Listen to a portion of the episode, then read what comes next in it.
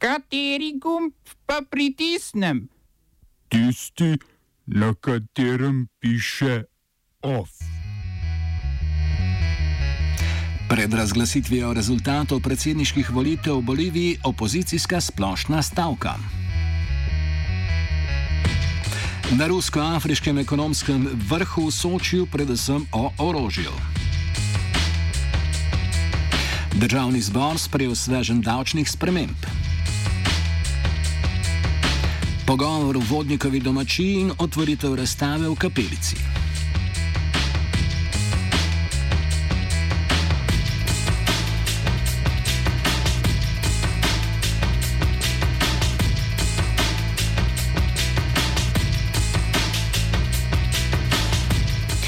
Protesti v Čilu se kljub opravičilu predsednike Sebastiana Pinjere nadaljujejo že šesti dan zapored, tokrat v obliki dvodnevne splošne stavke, kateri so pozvali sindikati po vsej državi, pridružili pa so se ji tudi študentje.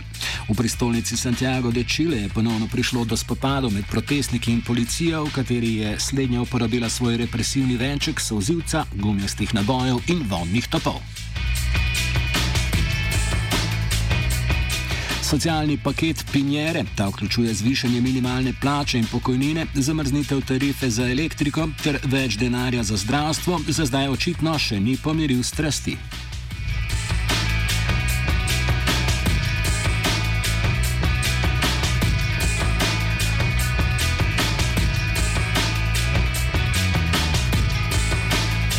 Splošna stavka je potekala tudi v Boliviji. Organizirala jo je opozicija na čelu s konzervativcem Carlosom Mezo, prvim zasledovalcem socialdemokrata Eva Moralesa na predsedniških volitvah, ki so potekale v nedeljo in naj bi bile po mnenju opozicije ukradene.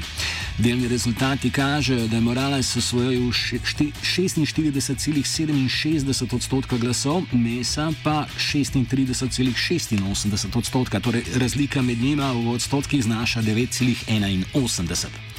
Napeto spremljanje številk za decimalno vejico pa se bo nadaljevalo, dokler ne bo preštetih še 2,58 odstotka glasovnic, ki bodo odločile, ali bo za izvolitev novega, starega ali novega predsednika potreben drugi krok. Morales bi svoj četrti zaporedni mandat namreč lahko osvojil že v prvem krogu, če bi njegova prednost pred maso znašala več kot 10 odstotkov. Mesa je svoje podpornike pozval stalni mobilizaciji. Dokler volilna komisija ne razpiše drugega kroga volitev, ti pa so poziv dojeli tako, da so v mestu Santa Cruz požgali tamkajšnji volilni urad. Morales, ki je že razglasil zmago, je stavko označil za državni udar.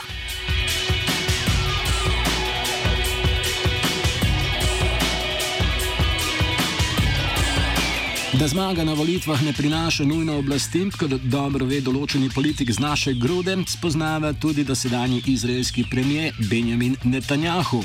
Po propadu koalicijskih pogajanj pod okriljem njegovega likuda je predsednik Ruven Rivlin mandat za sestavo vlade podelil Beniju Gancu. Vodja stranke Modra in Bela, ki, jo, ki je na septembrskih volitvah osvojila 33 poslanskih sedežev v 120 članskem knesetu, ima 28 dni časa, sicer bodo sledile nove, že tretje parlamentarne volitve letos. Ganceva priložnost je sicer miniaturen zgodovinski dogodek, saj se je prvič po letu 2008 zgodilo, da je predsednik mandat podelil komu drugemu kot Benjaminu Netanjahuju.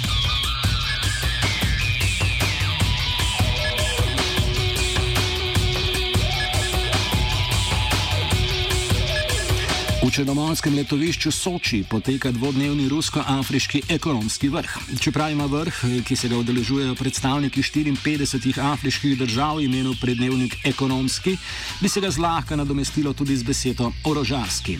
Rusija je namreč največji izvoznik orožja v Afriko, kar sta simbolno prikazala tudi dva ruska bombnika z možno nositi jedrsko orožje, ki sta ob odprtju vrha pristala v Južni Afriki.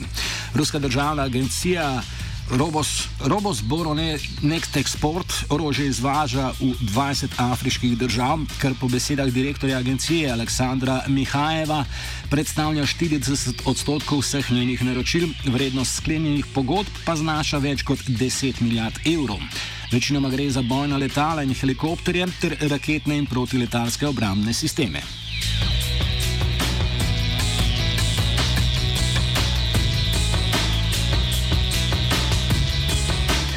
Ob robu omenjenega vrha je predsednik Centralnoafriške republike Faustin Archang Todera ruskega predsednika Vladimirja Putina zaprosil za podaljšanje vojaške pomoči in ohranitev prizadevanja za odpravo embarga za uvoz orožja.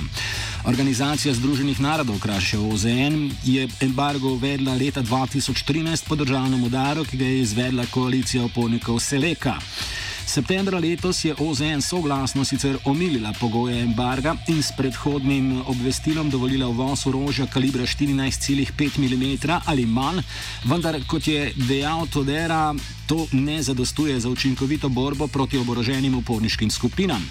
To vrstne apeli na Rusijo krepijo njen položaj na afriški celini, ki ga je že imela v času Sovjetske zveze, z njenim razpadom pa se je kot pomembni geopolitični igralec na tem območju pozicionirala Kitajska.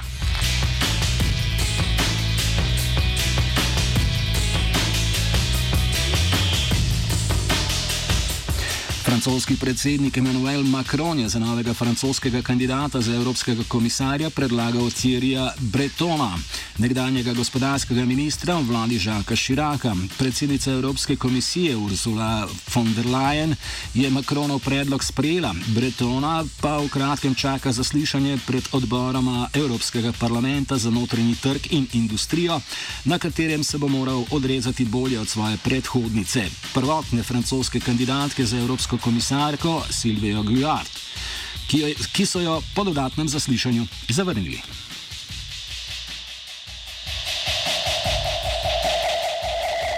Če bom odgovoril na angliški.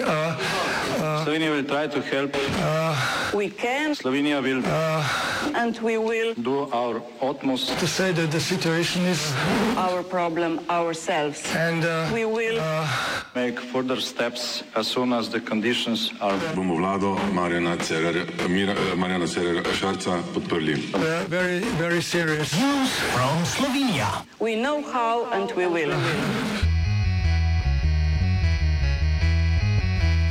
Poslanci te dni zasedajo na 12. redni seji državnega zbora. Včeraj so sprejeli svežen davčnih sprememb.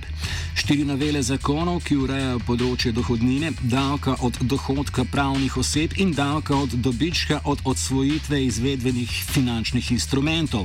Povedano nekoliko bolj ljudsko, razbremen- razbremenjuje se lestvica za odmero dohodnine, obremenjuje pa obdavčitev kapitala.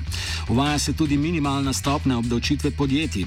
V državno malho se bo posledično steklo manj denarja. Po mnenju Levice, ki je bila kritična predvsem do sprememb lestvice za odmero dohodnine, bo dohodninska reforma povzročila 137 milijonsko proračunsko luknjo, a naj bi se manjko nadomestil s pobiranjem davkov in nadzorom, ker se do sedaj ni počelo dovolj učinkovito in strogo. Dejanski učinki davčnih sprememb, tako izračun levice, naj bi zaposlenemu na minimalni plači v višini določeni za leto 2020 prinesla dodatnega 1,6 evra na leto. Menedžerju šestkratnikom povprečne plače pa skoraj 2000 evrov.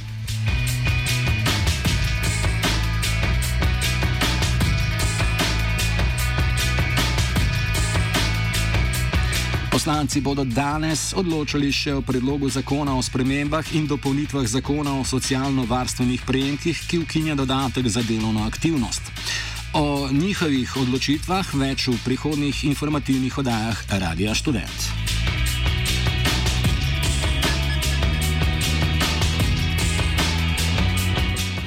Of je pripravil žiga.